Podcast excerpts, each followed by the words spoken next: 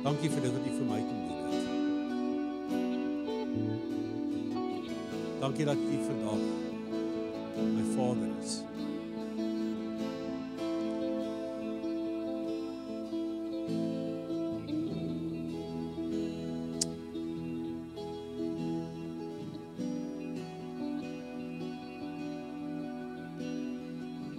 Hemel Vader, ons erken U vanmôre as die Here van ons lewens. Ons verklaar vanmôre Here dat U op die troon sit. Ons verklaar vanmôre dat U oor ons lewens regeer. En wanneer daar storms of woestyne of winters in ons lewens plaasvind, dan weet ons dat U is betrokke. U is deel. Dankie dat ons kan getuig, Here. Deur elke moeilike tyd waardeur ons moes gegaan het, het U ons gehelp. Het U ons bygestaan. Dit is presies wat die woord vir ons sê dat al gaan ons deur moeilike omstandighede, sal U ons nie begewe, U sal ons nie verlaat nie. Here my gebed is vanmôre dat dat ons U net sal raak sien vir wie U is. Dat U 'n Pa is wat omgee. 'n Vader is wat vir ons lief is. En dit is vir U belangrik dat dit met ons moet goed gaan. Dis belangrik Here dat dat U ook wil hê dat ons 'n kwaliteit lewe moet leef. Maar dan moet ons bid en vir U vra Here, gee ons die gehoorsaamheid. Gee ons die gehoorsaamheid om na U stem in ons lewens te luister. Die gehoorsaamheid om om na U woord te luister.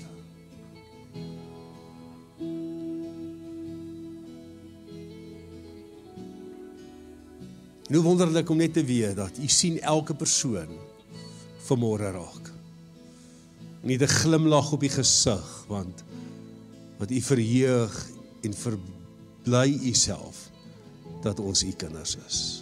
Ons bid Here wanneer ons nou die woord gaan oopmaak dat u dit sal seën. Dat ons met nuwe ore sal luister en ook sal hoor wat u vanmôre vir elkeen van ons wil sê. En ons eer u daarvoor in Jesus naam. Amen. Baie dankie. U kan die sitplekke neem.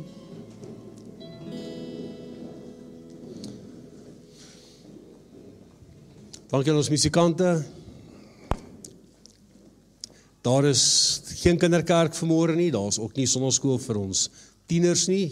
Onder dit gesinsnagmaal is, is ons dan almal vanmôre saam.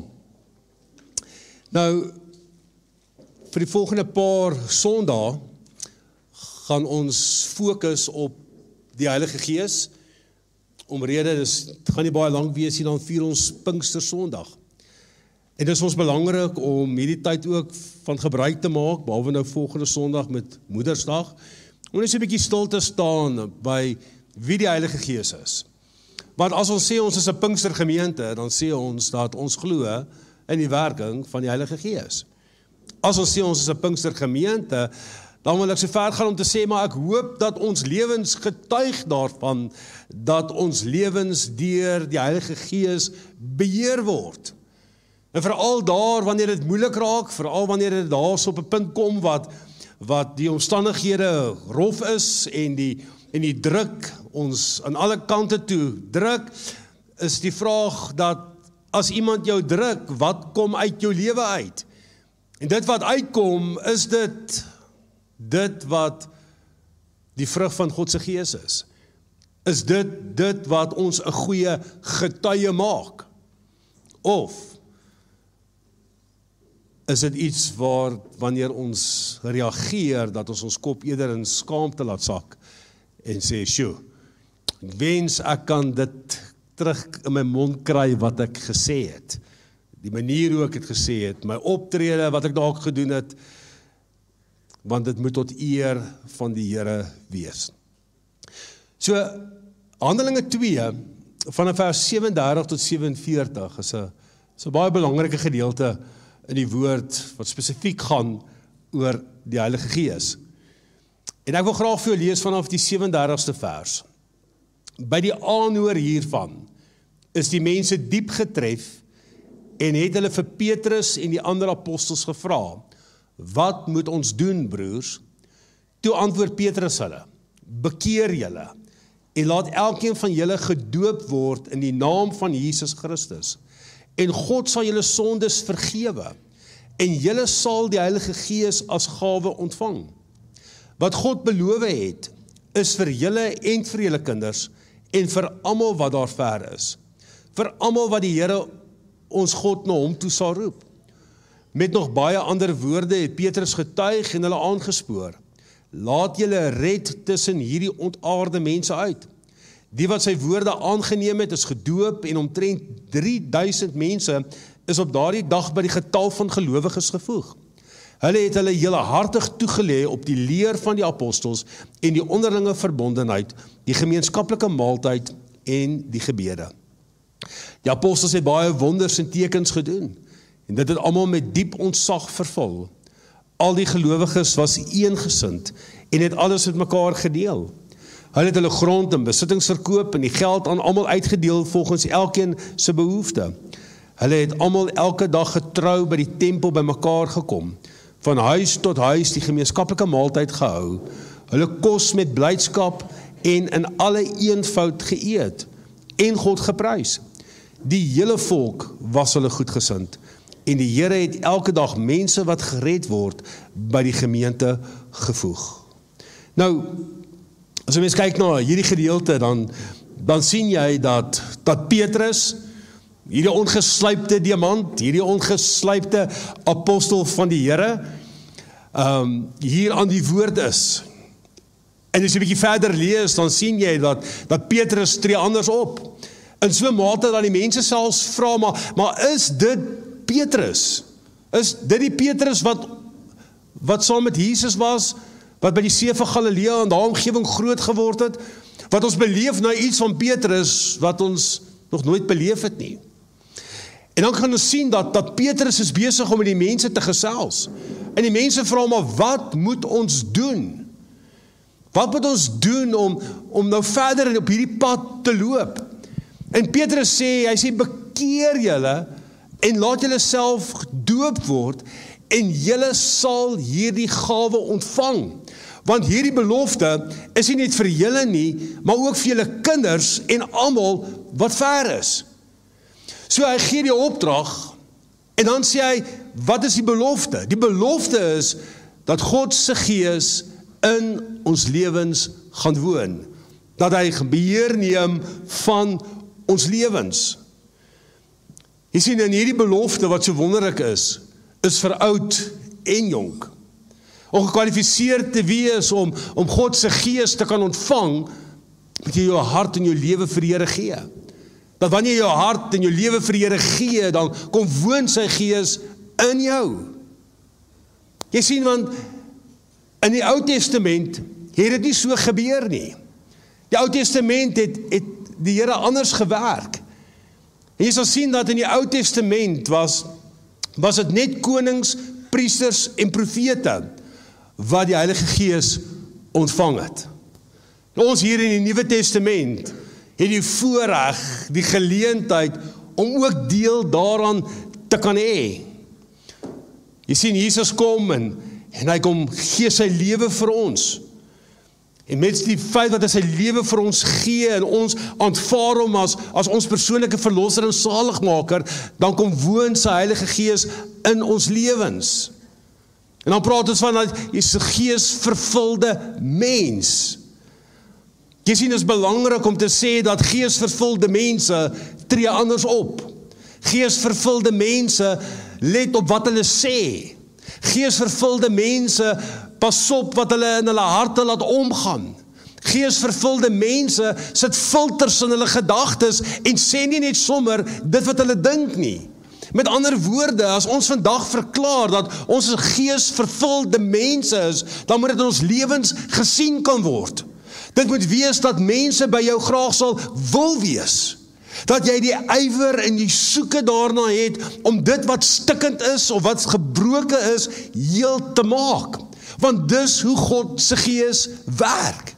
Die probleem is baie keer is dat dat ons kan doof raak vir God se stem. Ons kan doof raak vir die werking van God se gees in ons lewens. Maar die Here het die begeerte dat ons voluit moet leef. En dat ons moet besef dat die Heilige Gees is 'n persoon. 'n Studie wat gedoen is, het bevind dat 65% van alle gelowiges dink dat die Heilige Gees maar net 'n misterieuse krag is. Maar die woord leer ons dat die Heilige Gees is 'n persoon. 'n persoon wat deel vorm van die drie eenheid. God die Vader, God die Seun en God die Heilige Gees. Die jammerte is is dat baie keer en veral in ons Pinkster tradisie het baie mense ook al seer gekry in Pinkstertyd. Baie keer in die verlede dink ek was daar 'n bietjie onverantwoordelik gewerk met die manier hoe ons mense hanteer het in terme van van hoe die Heilige Gees in mense se lewens werk. En ek wil vandag vir jou sê dat dat niks wat jy kan niks meer doen as om gered te word as om net Jesus Christus as jou persoonlike verlosser en saligmaker aan te neem. Die feit dat jy hom Here van jou lewe maak, die feit dat jy hom baas van jou lewe maak, beteken dat God se gees in jou gaan kom inwoon, soos ek nou al 'n paar keer gesê het. Maar wat daaruit gebeur, het nie reddingskrag nie.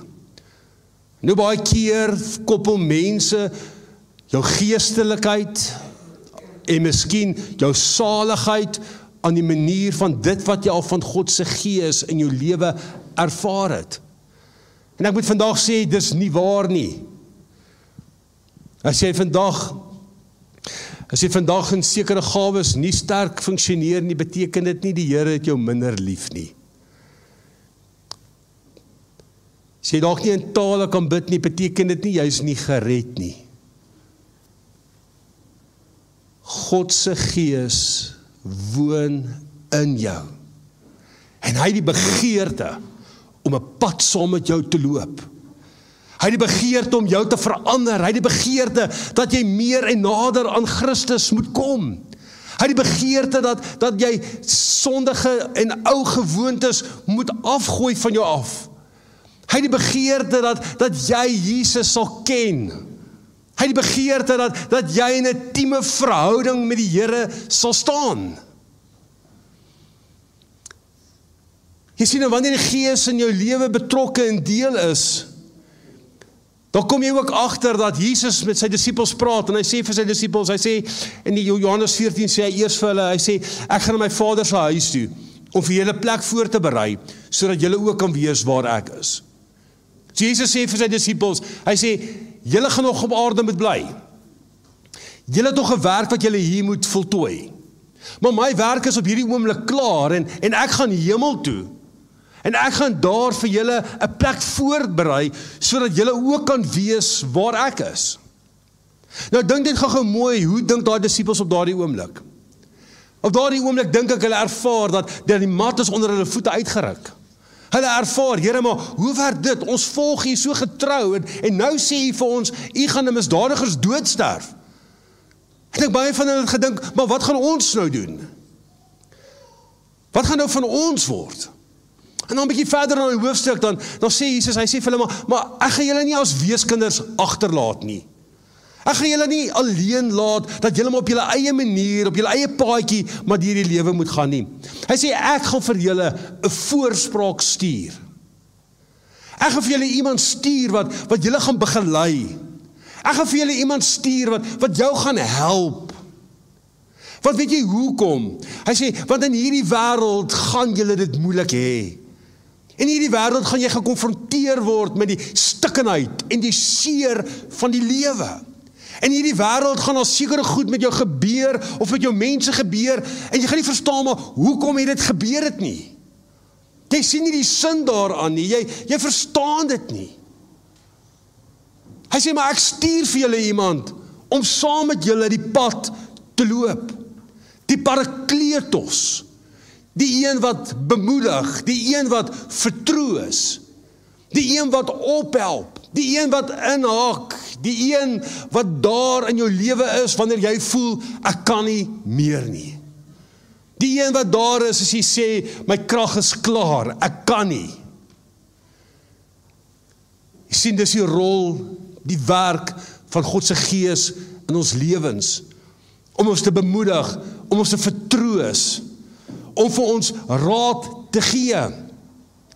Hy sê ek sê dit nou al lank vir julle terwyl dit nog by julle is en wanneer die raadgewer die Heilige Gees kom wat die Vader in my naam sal stuur, sal hy julle in alle opsigte onderrig en julle ook herinner aan alles wat ek vir julle gesê het. So met ander woorde sê hy, hy kom raad gee. Hy kom ons leer. Hy kom ons terugvat vir die manier hoe Jesus geleef het. Hy gee jou raad. Hy gee jou raad in terme van situasies. Hy gee jou raad in terme van van van verhoudings wat skeef en seer gekry het. Ek wil vandag sê dat wanneer ons sê ons is geesvervulde persone, moet ons geesvervuld optree. As ons kyk na die lewe van Jesus, het hy gekom om wat te doen? Het hy gekom om 'n verhouding te kom herstel? Daarom het God sy seun gestuur om om daai kloof tussen God en mens dat daar 'n brug gebou kon word. As jy kyk na die bediening van Jesus, was dit altyd om te herstel en om om hom heel te maak. Heilige Gees is daar om raad te gee. Die Heilige Gees is daar om jou in 'n beweging te laat bring om dit te herstel waar daar skade en seer is. God soek vrede. God soek harmonie.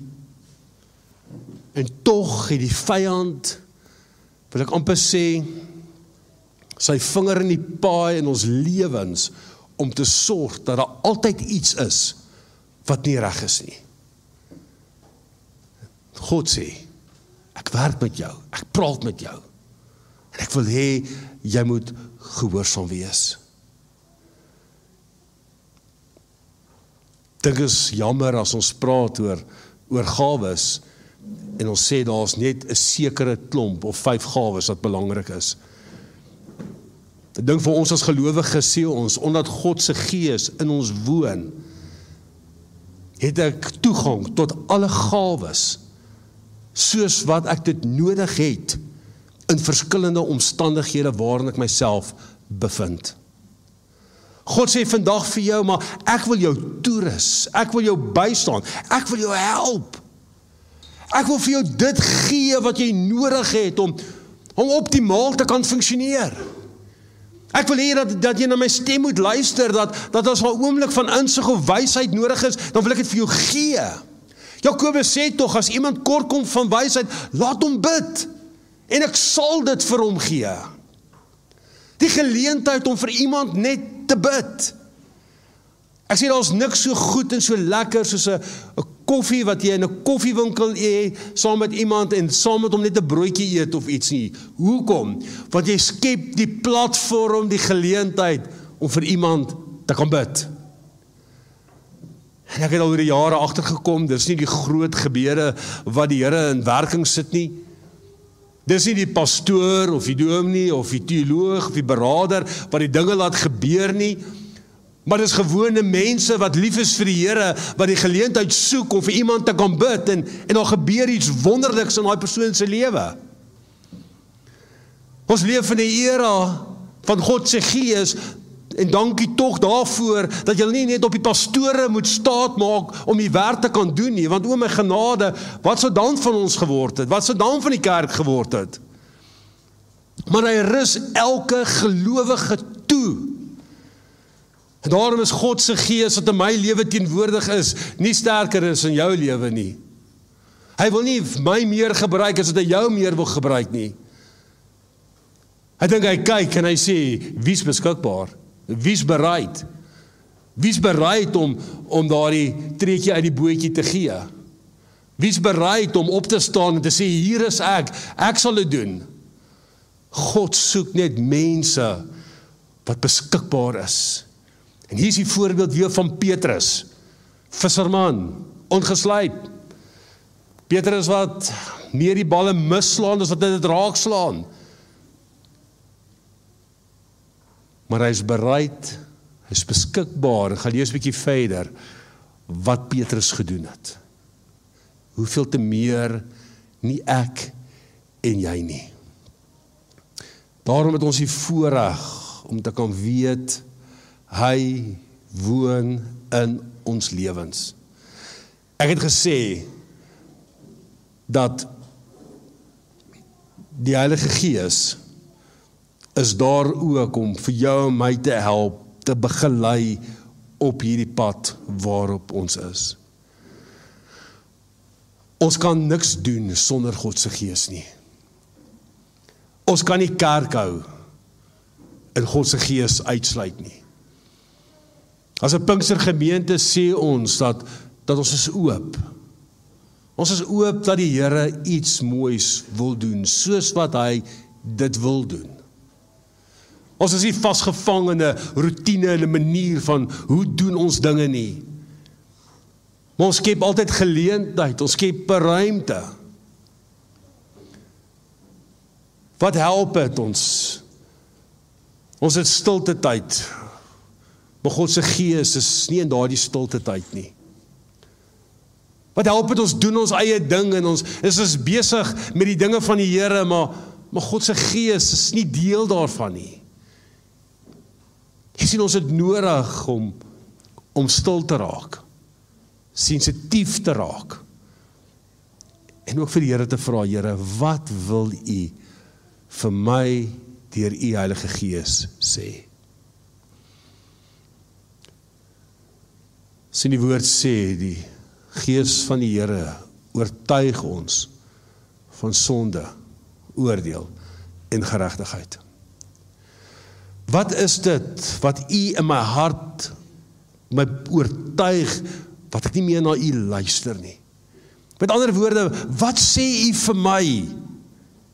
En ek weier dit blaatant om dit te doen. Want dis sy werk. Hy gaan jou nie forceer nie. Hy gaan jou nie in 'n rigting indruk nie. Ek kry amper hierdie prentjie in my kop waar waar die man die seun so aan sy nek vat en sê kyk wat het jy nou gedoen? Of as 'n hond 'n plaas gemaak het vat jy gewoonlik die hond en jy vat hom so en sê druk vryf sy neus so bietjie daar in en sê jy sal dit nou nie weer doen nie. God werk nie met ons so nie. Hy gryp ons nie aan die kraag en sê nou sal jy dit doen nie. Want dis nie hoe hy werk nie maar hy oortuig jou wat die regte ding is om te doen en jy die keuse of jy dit wil doen en of jy dit nie wil doen nie.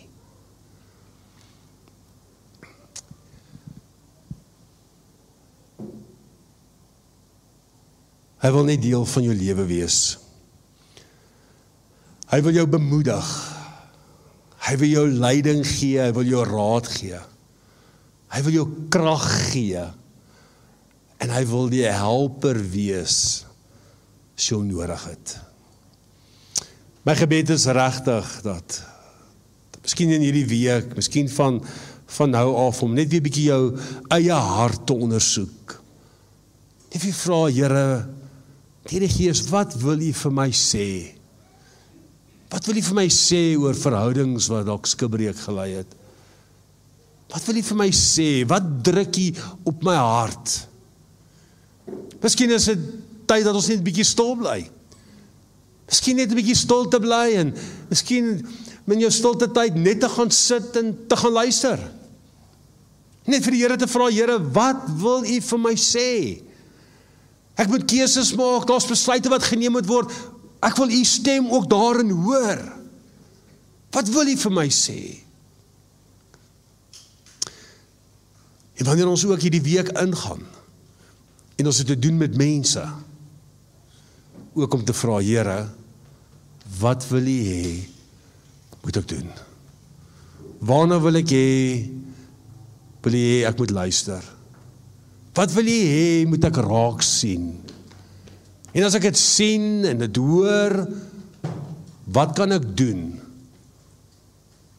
om mense te help? Wat kan ek doen sodat u al die eer daarvoor kan kry. Net daar waar jy sit, kom ons kom ons sluit dit ons oë.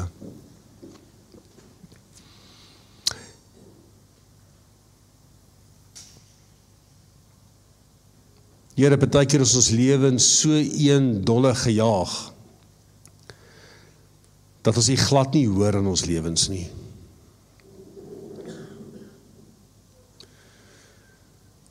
En wanneer ons so van die een plek na die ander gaan en besig is en dan mis ons soveel mooi geleenthede. En baie keer geleenthede wat ons nooit weer sal kan oor hê nie. Maar as u kinders wat u aangeneem het as ons redder en u weet dat u gees in ons lewens woon is ons begeerte vir môre Here dat U ons sal sensitief maak vir U Heilige Gees. En dat ons gehoorsaam sal wees aan dit wat U vir ons sê. Want dit het altyd te maak om te doen om om mense te help, om mense te beskerm, om mense te versoen, om weer lewe te gee. En hoe wonderlik om te kan weet, Here, dat dieselfde krag, die Gees wat Jesus uit die dood laat opstaan het, is ook in ons lewens teenwoordig. En mag mense daardie krag ervaar en besef en weet, dis nie 'n krag wat vernietig nie, maar dis 'n krag wat wat mense na mekaar toe bring.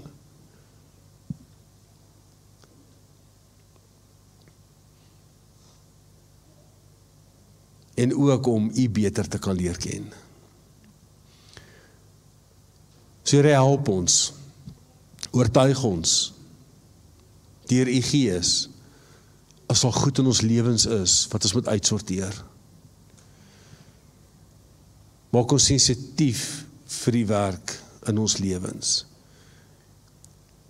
En dat ons lewens aan u die eer sal gee wat u toekom dat ons lewens en ons optredes 'n getuie sal wees waarop nie mense nie, maar waarop U sal op trots wees. Ons eer U daarvoor in Jesus naam. Amen. Mense wat help in die nagmaal, sal jy asseblief na vore kom.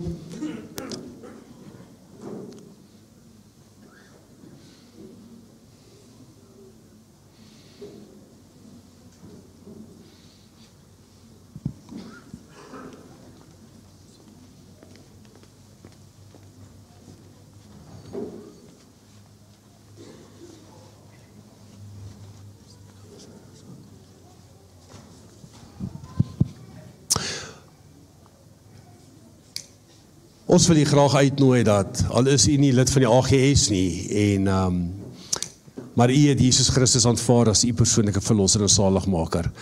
Dan wil ons u graag uitnooi om saam met ons deel te kan hê aan die nagmaal.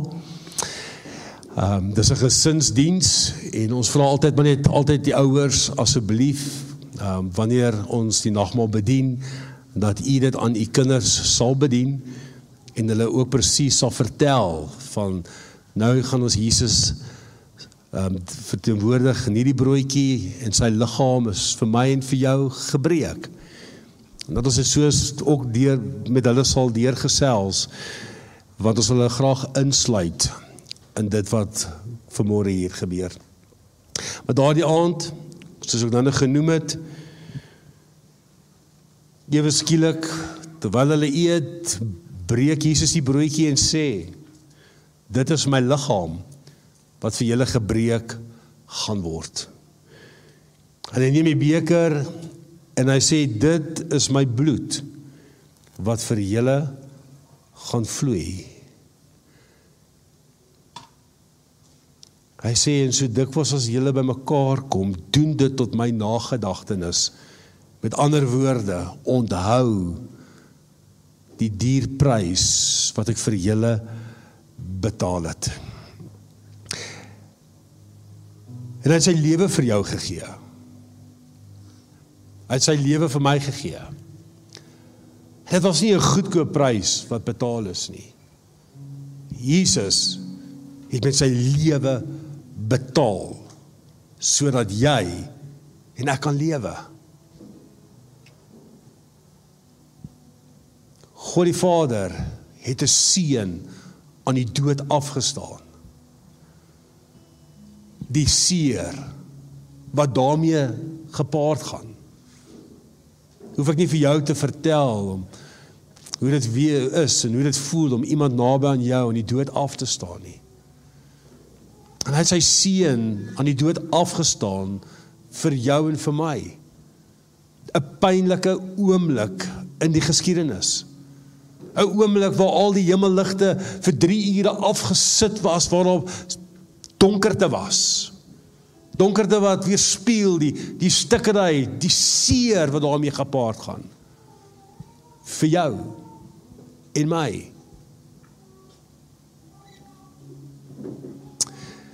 Wanneer jy vanmôre hierdie broodjie neem en wanneer jy hierdie kelkie gebruik, kan jy nie anders as om net te sê Here, dankie vir die dierprys wat U vir my betaal het nie.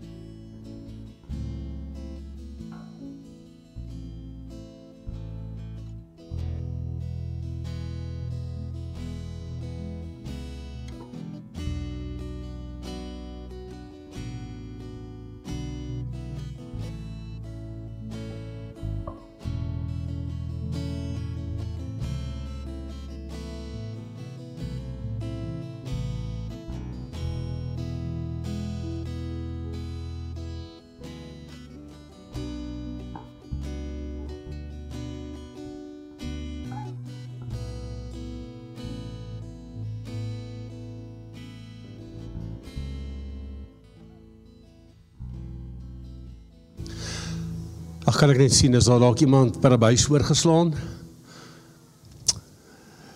Niemand nie.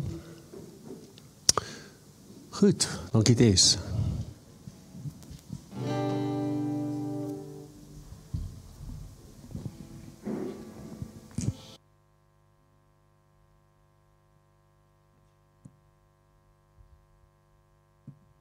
Kom ons staan en dan sluit ons af met ons woord.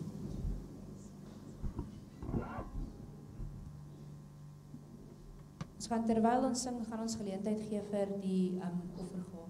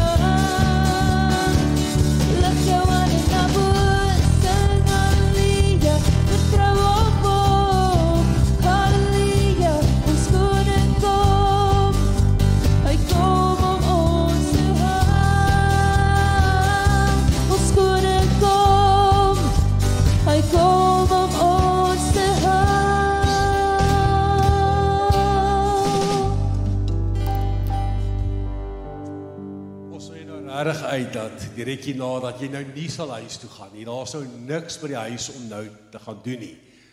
Eet 'n broodjie saam, kuier 'n bietjie saam en ehm um, kom ons wees 'n bietjie kerk op 'n ander manier. Net daar waar jy staan, kom ons sluit die oë en ontvang die seën van die Here. My Vader, so Salomo gebid het. Gee my hart ore. Is my begeerte ook vir elkeen dat ons met ons harte sal luister wat hy vir ons sê wat om te doen. Met ander woorde dat ons gehoorsaam sal wees. Here, my gebed is dat u goedheid en u guns, u seën en u beskerming en daardie vrede wat wat die hart en die verstand die wag hou, dat dit oor ons lewens sal heers. Amen. Thank you.